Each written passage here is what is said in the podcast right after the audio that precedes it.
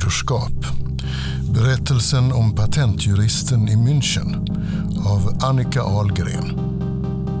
Inläsare Harald Leander.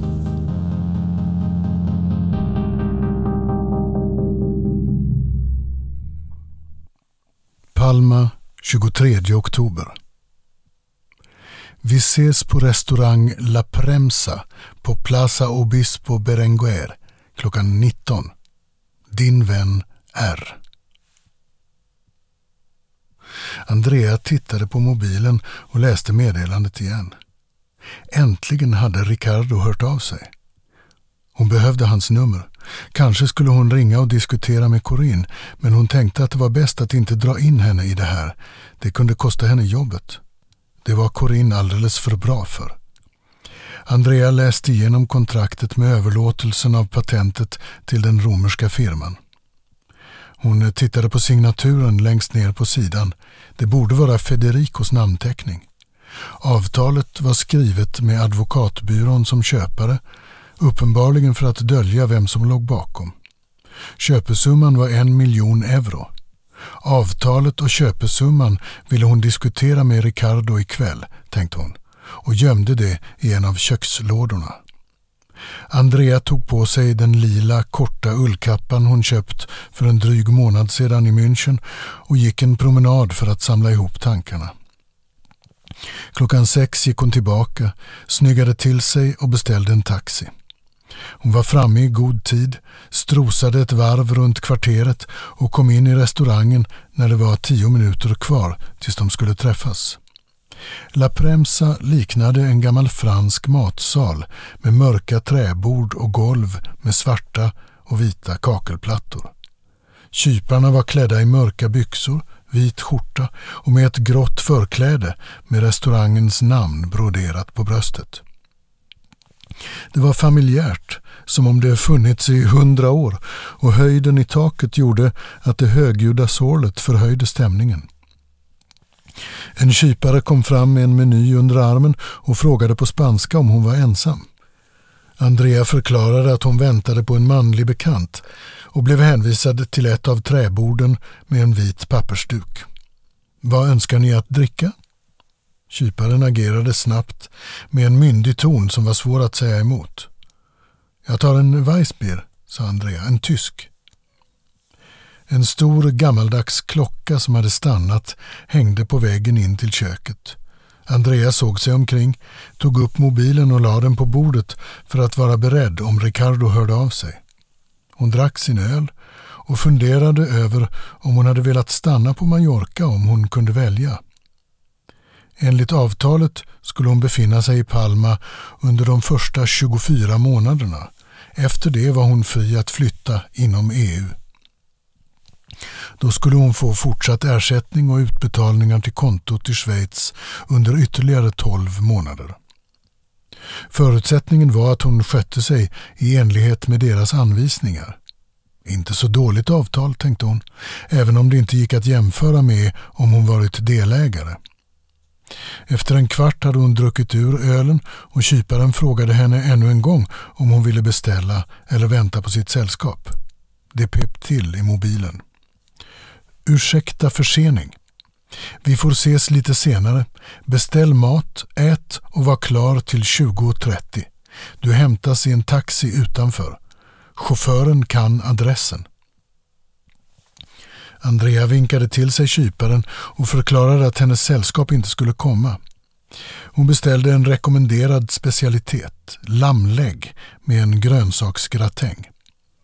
Maten smakade mycket gott trots att hon var ensam. Det var märkligt att han inte kommit. Hit skulle hon gå fler gånger, tänkte hon och vinkade diskret för att få uppmärksamhet för att betala. När kyparen kom fram till bordet såg han oberörd ut och avböjde när Andrea bad om notan. Huset betalar. Hon betraktade honom med en förvånad min. Mannens ögon var bruna, varma. Andrea drack ur och la tio euro på bordet. Tack. Jag har fått instruktioner om att ni inte får lämna restaurangen förrän halv nio, så jag ber er vänligen sitta kvar. Hittills hade hon känt sig väl till mods, men reagerade över att mannen var så väl insatt i nästa steg. Hon såg på kyparen, men sa ingenting. När klockan var precis halv nio kom han fram till henne och visade vägen ut genom dörren. Mycket riktigt stod en ljusgul taxi och väntade utanför. Andrea tvekade en sekund. Chauffören gick ut och öppnade för henne och hon satte sig ner i baksätet. Taxin körde från Plaza Obispo Berenguer ner till centrala Palma, där turistrestaurangerna låg tätt.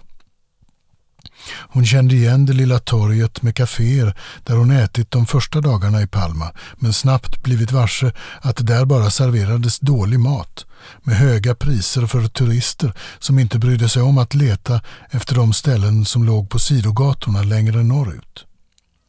Strax efter torget körde chauffören upp till höger och sa att de var framme. Andrea tog upp pengar för att betala men taxichauffören skakade på huvudet och pekade bara på en stor port i ett av de gamla husen i kvarteret. Ute på gatan tog hon ett djupt andetag. Ångande, fuktig luft slog emot henne från trottoaren. En regnskur hade gjort att temperaturen kändes behagligt varm. Abaco stod det med silvriga bokstäver bredvid den stora ekporten. Det var samma namn som på visitkortet som dykt upp efter hennes första besök i CERN. Det hade legat på hennes skrivbord en morgon efter att hon hämtat en kopp kaffe. Hon förutsatte att det var avsett för henne men ingen hade någonsin kommenterat det. Hon hade bara häftat fast det bland de andra dokumenten. Porten gick inte att skjuta upp så hon bultade på med en stor metallring Ljudet ekade i gränden. Ett elektroniskt ljud hördes från en kamera monterad ovanför portens övre vänstra hörn. Linsen vreds runt och verkade zooma in henne. Hon hörde ett klick i låsanordningen, sköt upp porten och gick in. Vad gjorde Ricardo här? Rummet var fullt av färska blommor i överflöd och på målningar i takvalven flög änglar mot en ljusblå himmel.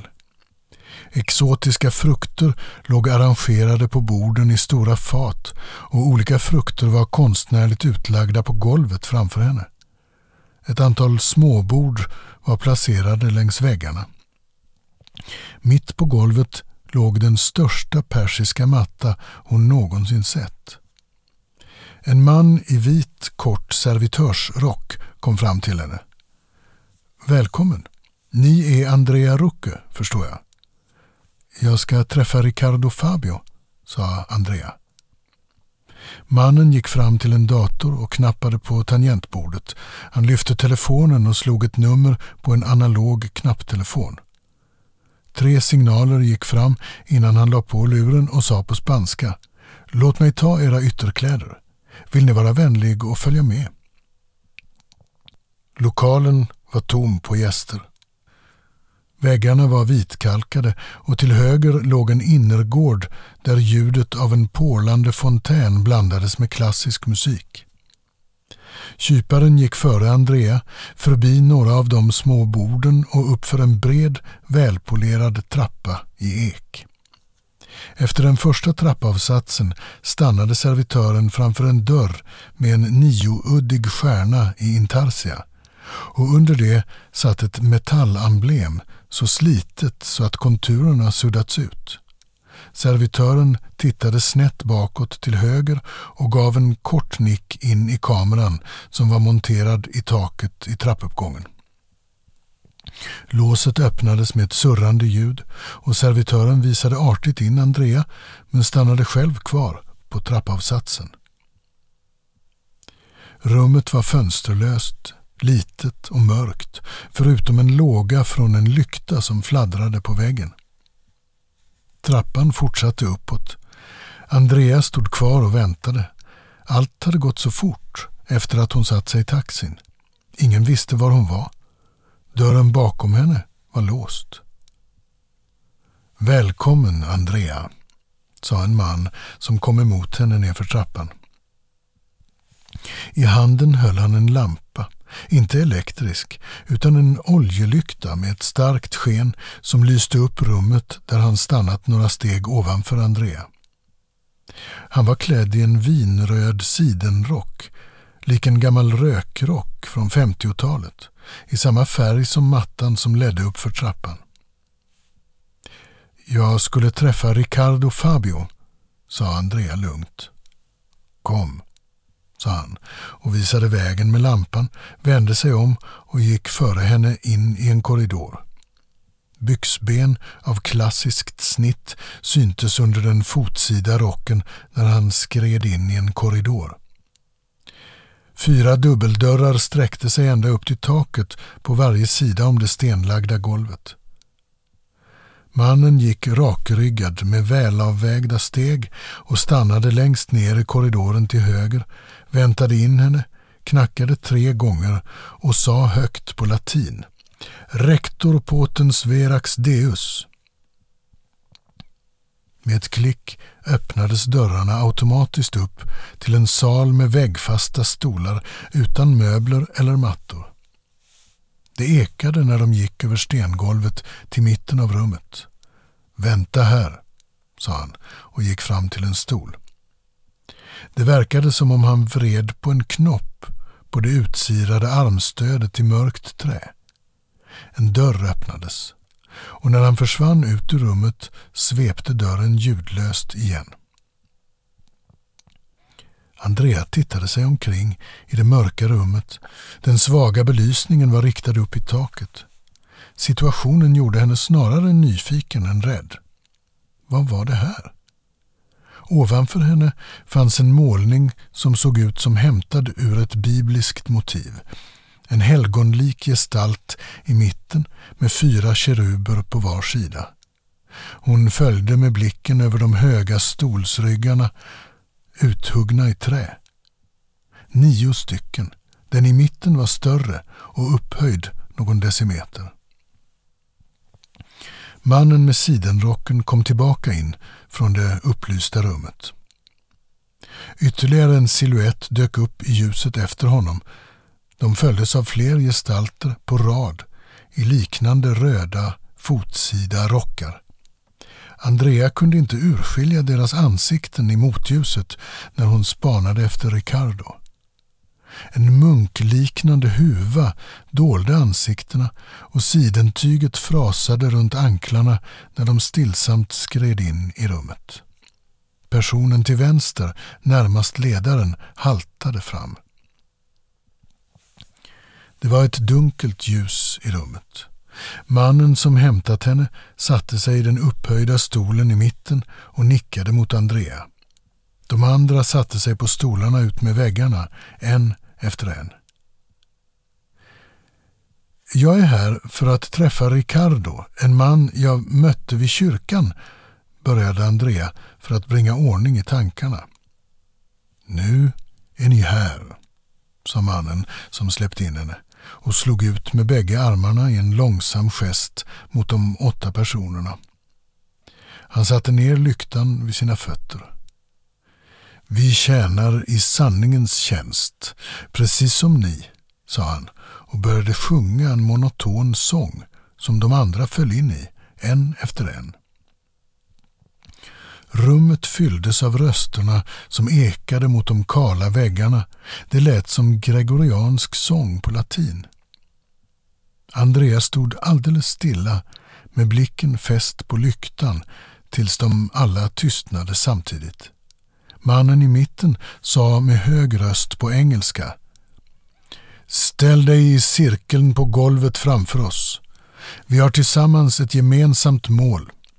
Federico ska inte ha dött i onödan, utan vi vill ta reda på vem som mördade honom. Nu vill vi fråga dig om din sanning, sa mannen och skickade vidare lyktan till personen till vänster. Andrea betraktade ledaren när hans ansikte lystes upp i skenet från lampan. Det var fårat, brunbränt och passade ihop med den myndiga rösten. Vad gjorde du i Federicos lägenhet? Andrea röst till, så de visste också om hennes besök i Florens. Frågan ställdes av personen som satt på första stolen till vänster. Orden fyllde rummets tystnad. Alla fokuserade på Andrea där hon stod i mitten. Jag ville prata med honom om den mjukvara som han var med och programmerade, svarade Andrea tyst. Varför sökte ni upp Federico? Jag ville veta varför han sålt patentet, men jag fick ju aldrig prata med honom. Vi vet. Ni hittade honom död. Vad var det ni ville veta? Om försäljningen av patenträttigheten hängde ihop med olyckan. Om heliumläckan kunde vara ett attentat. 600 forskare jobbar i anläggningen, många av dem med access till tunneln och uppsatta regler respekteras inte. CERN har uppenbara problem med säkerheten. Men varför ett attentat? Om ett år krockar protoner i näst intill ljusets hastighet.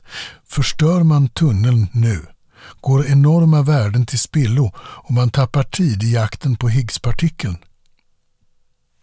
Tror du det är risk för fler olyckor? frågade en man längre bort. Vad jag förstår finns det risk för ett nytt attentat, sa Andrea. Hon tyckte det kändes tungt att andas. Luften kändes kvav. Varför har ni fört hit mig? Jag är en ansedd patentjurist och inte van att bli behandlad så här, sa hon och sträckte på sig. Andrea hejdade sig. Det var så länge sedan hon hade kunnat prata med någon att hon inte tänkte sig för. Mannen spände ögonen i henne. Vet du i så fall när? Det verkar finnas en vilja att förhindra att protonförsöken kommer igång igen, sa Andrea. Hon hade fått ont i fötterna av att stå stilla och vaggade sakta fram och tillbaka i de klackade skorna. Hon tittade sig om efter en stol men rummet var tomt på möbler förutom de väggfasta stolarna. Innan lampan skickades vidare frågade en av männen vars röst lät upprörd. Har ni belägg för det? När? I oktober. Det var något bekant över det irriterade tonfallet. Ett svagt sål gick genom rummet. Lampan passerades vidare till nästa person. Vad vet ni mer om Federico? Tystnaden spred sig i rummet när namnet kom upp igen. Jag har träffat hans vän, Riccardo Fabio, här i Palma, sa Andrea och tog av sig skorna. Han vill att jag ska hjälpa till att få tillbaka patentet. En av dem frågade med låg röst. Vad har ni för relation till Corinne Bruschi? Kanske misstog hon sig, men trots att ansiktet inte syntes tyckte hon återigen ha hört den här personens röst förut. Det var någonting i hur han uttalade Corins namn, men det var inte Ricardo. Osäkerheten gjorde henne obehaglig till mods. Det var min assistent på byrån. Vad visste hon? Ungefär samma saker som jag vad gäller fallet. Hon kände inte till min resa till Florens eller att jag hittat Federico. Ingenting om mitt senaste besök i CERN heller, eller risken för attentat. Litar du på henne? Tveklöst, svarade Andrea. Frågorna som kom från olika håll gjorde henne osäker. De verkade veta så mycket om hennes förehavanden. Hade hon kunnat göra något annat än att svara sanningsenligt? Varför gav du hårddisken till Corinne när du slutade på byrån? Andrea tittade sig oroligt omkring. Hur visste de om detta? Hade Corinne sålt den till någon? Eller hade firman fått tag på den? Corinne ville lösa fallet. Jag trodde hon skulle få ta över, bli delägare, sa Andrea bestämt. Hon är väl inte inkopplad på fallet nu, sa mannen som satt några stolar åt vänster. Andrea skakade på huvudet. Jag har ingen kontakt med henne. Lampan skickades vidare. Hade Corinne några personliga skäl varför hon skulle vilja vara delaktig i fallet? frågade nästa person. Affärsmässiga. Hon ville bli delägare, sa Andrea. En lång tystnad uppstod. Nästa person fick lampan och bytte ämne. Träffade Corinne någonsin Åke Torstensson i Cern? Det vet jag inte. Han var en upptagen man. Det krävdes personliga kontakter för att få möte med honom, sa Andrea. Hon var uppriktigt förvånad. Den frågan hade hon inte ställt sig själv. Hur skulle Corinne kunnat göra det? Hon var assistent i fallet och Andrea hade aldrig tänkt tanken att Corinne skulle haft kontakt med Torstensson eller någon annan i Cern. Hon hade aldrig varit där. Lyktan skickades vidare. Varför samarbetar ni med Ricardo Fabio? Frågan bröt tystnaden på ett nytt sätt. Det var ett genuint undrande tonfall i rösten. Nu har jag fått nog av det här, sa Andrea och tog på sig skorna och gick tillbaka mot ingången. Stegen ekade mot det stenlagda golvet. Dörren var låst. När hon vände sig tillbaka in mot rummet hörde hon övervakningskameran zoomas in mot henne. De andra hade inte rört sig utan satt bara och betraktade hennes rörelser. Hon gick tillbaka och ställde sig i cirkeln i mitten. Jag vill också veta orsaken till Federicos död, sa hon. Nästa person höjde lyktan och frågade Vet dina söner om att du är här? Andrea skakade på huvudet. Hon skämdes över att hon inte hade meddelat sina barn. De skulle undra var hon var om hon inte hörde av sig. Det var bara de och ägarna på firman samt Corinne som visste att hon var i Palma. Lyktan skickades tillbaka till mannen i sidenrocken som höjde lyktan tre gånger. Sen reste han sig och gick ut ur rummet. En efter en formerade sig personerna i ett led och gick efter honom ut ur rummet genom samma dörr de kommit från. Andrea stod ensam kvar. Hon vände sig om och hörde hur kamerans lins zoomade in henne samtidigt som kyparen öppnade dörren, log vänligt mot henne och sa Vi har en taxi som väntar på er. Den här vägen. Han gick i rask takt nerför trappan. I handen höll han en väska som Andrea kände igen. Det var hennes lilla resväska med initialerna AR broderade vid sidan om handtaget. Hon hade fått den av Mark och tyckte mycket om den. Fortfarande inte en människa som syntes till och vid baren räckte kyparen över väskan, hennes rock, handväska och ett glas med vatten. Varsågod, sa han och nickade vänligt. Andrea var mycket törstig och drack ur glaset medan mannen öppnade porten utåt gatan.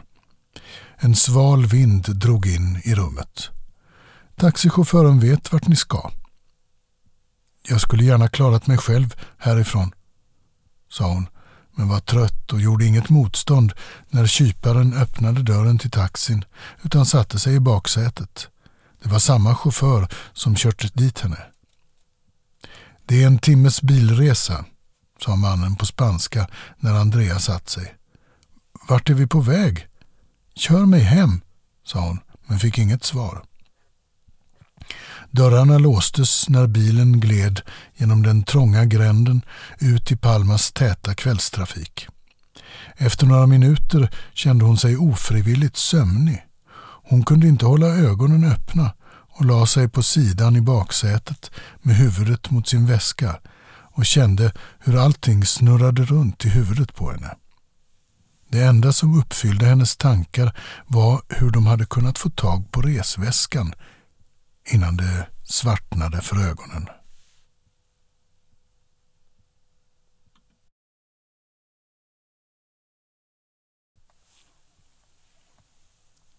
Genève 23 oktober. Planet landade i Genève enligt tidtabellen och Luca följde skyltarna mot utgången för att hämta sin väska. Han njöt av att vara i Schweiz igen. Renheten, ordningen och de raka linjerna vittnade om en känsla för stil som gjorde att han kände sig välkommen. I tanken såg han Claudia framför sig sitta i baren på en hög stol i en snäv kjol med ett glas kallt vitt vin framför sig. De brukade alltid vänta på varandra på någon lyxig restaurang inne på flygplatsen efter att de landat på väg hem från olika affärsresor. Medan han väntade på sitt bagage tog han upp telefonen samtidigt som det ringde. Pappa, är det du? Har precis landat, Sofia. Är mamma vaken? Vi hittade biljetterna du beställt till Puglia på köksbordet i morse. Det ska bli så kul! Jag var inte vaken när du åkte, inte mamma heller. Nu ligger jag i hennes säng. Eller jag menar din. Följer Jean-Claude med oss? Hälsa mamma att hon får fråga honom. Det finns en biljett till honom med. Jag längtar efter er. Vi ses på måndag kväll, sa Luca, plockade upp väskan och började gå mot utgången och skylten mot hyrbilarna. Bensinstationer. Efter en kvart var han i Meirin och tog avfarten mot Saint-Genis. Cern bredde ut sig på vänster sida. Stora grå 60-talsbyggnader omgärdade av taggtrådsstaket. Lukas svängde in på parkeringen och hittade en ledig plats för besökare. Den svarta Mercedesen stack ut bland de mindre bilarna som stod uppradade på parkeringen, de flesta miljöbilar. Papperna som skulle skrivas på låg bredvid honom i portföljen och han kände efter så att han hade med sig den USB-liknande stickan i ytterfacket. Telefonen ringde samtidigt som han dubbelkollade tiderna för sina besök i kalendern. Det är från CERN och sekretariatet för säkerhetsövervakning. Tyvärr har doktor Friedrich Mayer blivit försenad och kan ta emot er först imorgon. Beklagar att ni med så kort varsel har blivit ombokad. Han vill gärna träffa er imorgon bitti om det fungerar för er. Det var ingen fråga. Lukas suckade demonstrativt. Det var inte vad jag hade förväntat mig. Tid är pengar, men jag återkommer imorgon. Innan hon hann svara fortsatte han. Jag söker Tommaso Sensi, som jag tror jobbar här. Kan ni hjälpa mig att nå honom?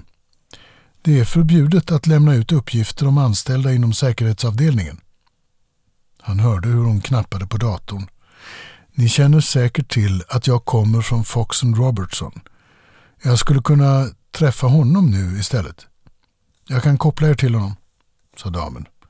Luca hörde hur signalen gick fram. Hallå? Tommaso? frågade Luca. Ja, det är jag. Det är Luca Vidali, minns du mig?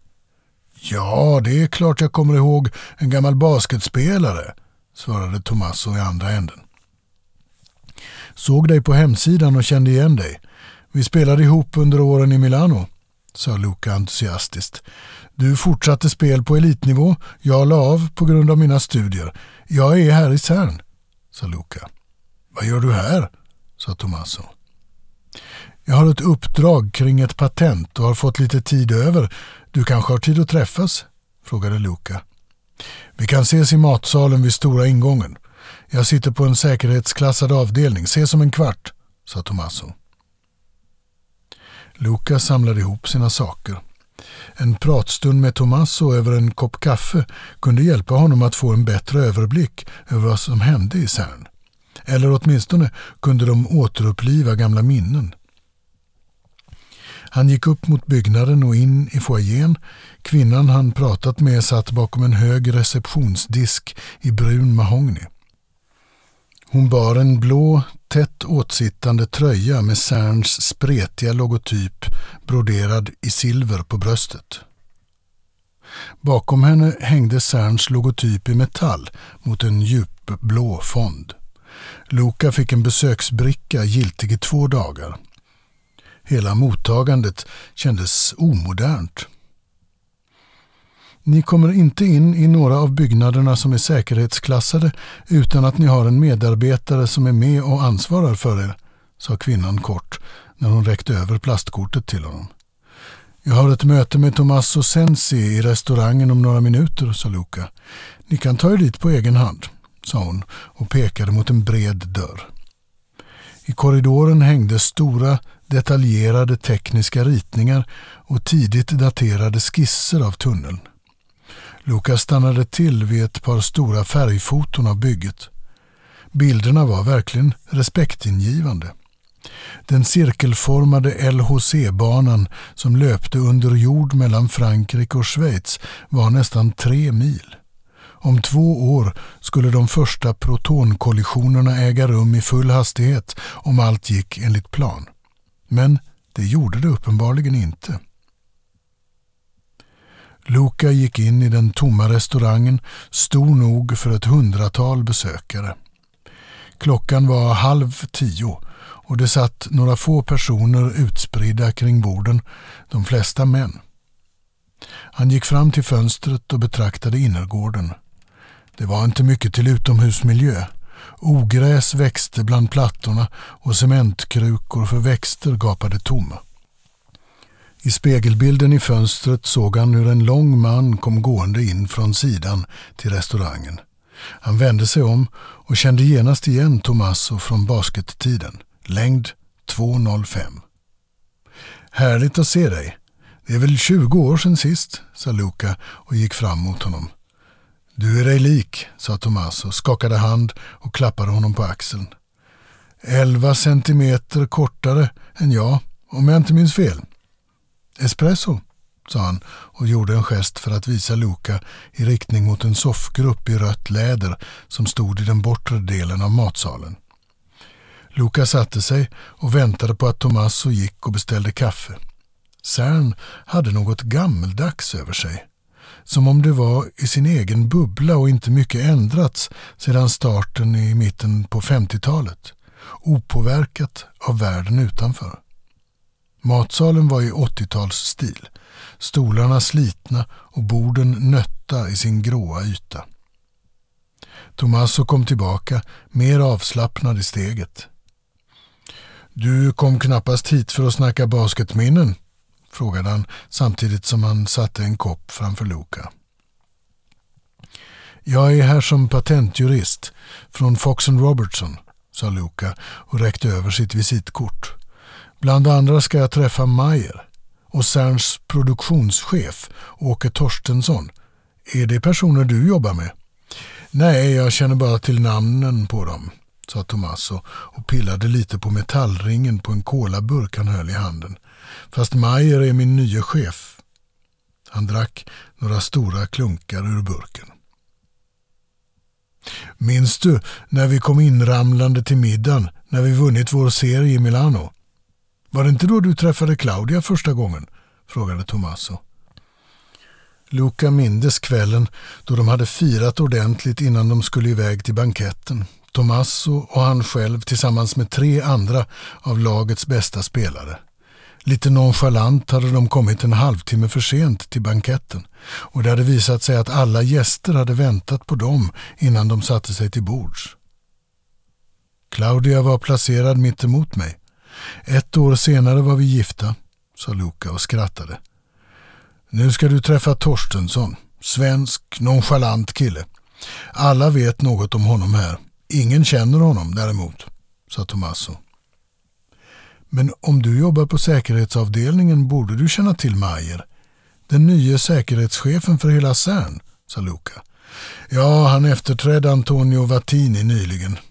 Mayer, som kommer från USA, har gjort stora förändringar. Vi är uppdelade i mindre sektioner för att ingen ska få full inblick i säkerhetssystemet.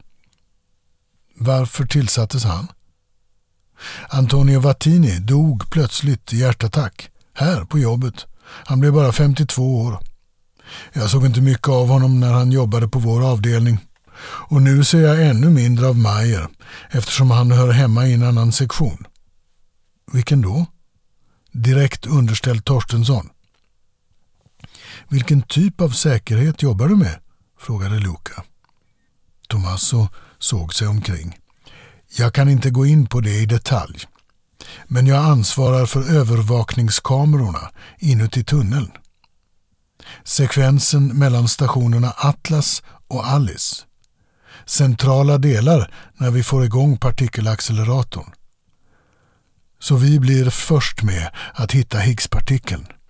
Alla vet att det är målet men ingen pratar högt om det. Ännu. Tommaso tummade på kolaburken, drack ur den och bytte samtalsämne. Nu får jag höra hur det gick efter basketspelandet i Milano. Du gifte dig med Claudia. Ja, vi fick en son, Jean-Claude, innan vi flyttade från Milano. Han är uppkallad efter skidåkaren Jean-Claude Killy som vann tre guldmedaljer i OS 1968. Min pappa hade honom som idol. Och sen en dotter i Lyon, Sofia. Nu bor vi i München. Luca tittade på Tommaso och tänkte att det blev för jobbigt att gå igenom situationen hemma. Han ville inte prata mer om Claudia eller familjen utan att säga som det var. Du var ju med på bröllopet, sa Luca och skrattade. Kände inte Claudia till Åke Torstensson från utbildningen i Stockholm? Har för mig att han utbildade sig på The Royal Institute of Technology. Det vet jag inte, sa Luca och bytte ämne. Det var bara du som lyckades nå baskettoppen. Du var ju proffs under flera år. De pratade en stund om hur de hade tagit sig upp ur den serie som de spelat i tillsammans och hur de olika lagen blivit mer eller mindre framgångsrika under åren som följt. Jag måste tillbaka till kontoret. Vem ska du besöka nu? frågade Tommaso. Vid lunchtid har jag mötet med Åke Torstensson. Jag kan be en av mina kollegor att visa dig runt i utställningen. Kom med så ska jag ordna det, sa han och reste sig och gick före bort mot utgången. Du får vänta här eftersom det är en säkerhetszon. Här finns forskarstudenter från mer än 170 länder.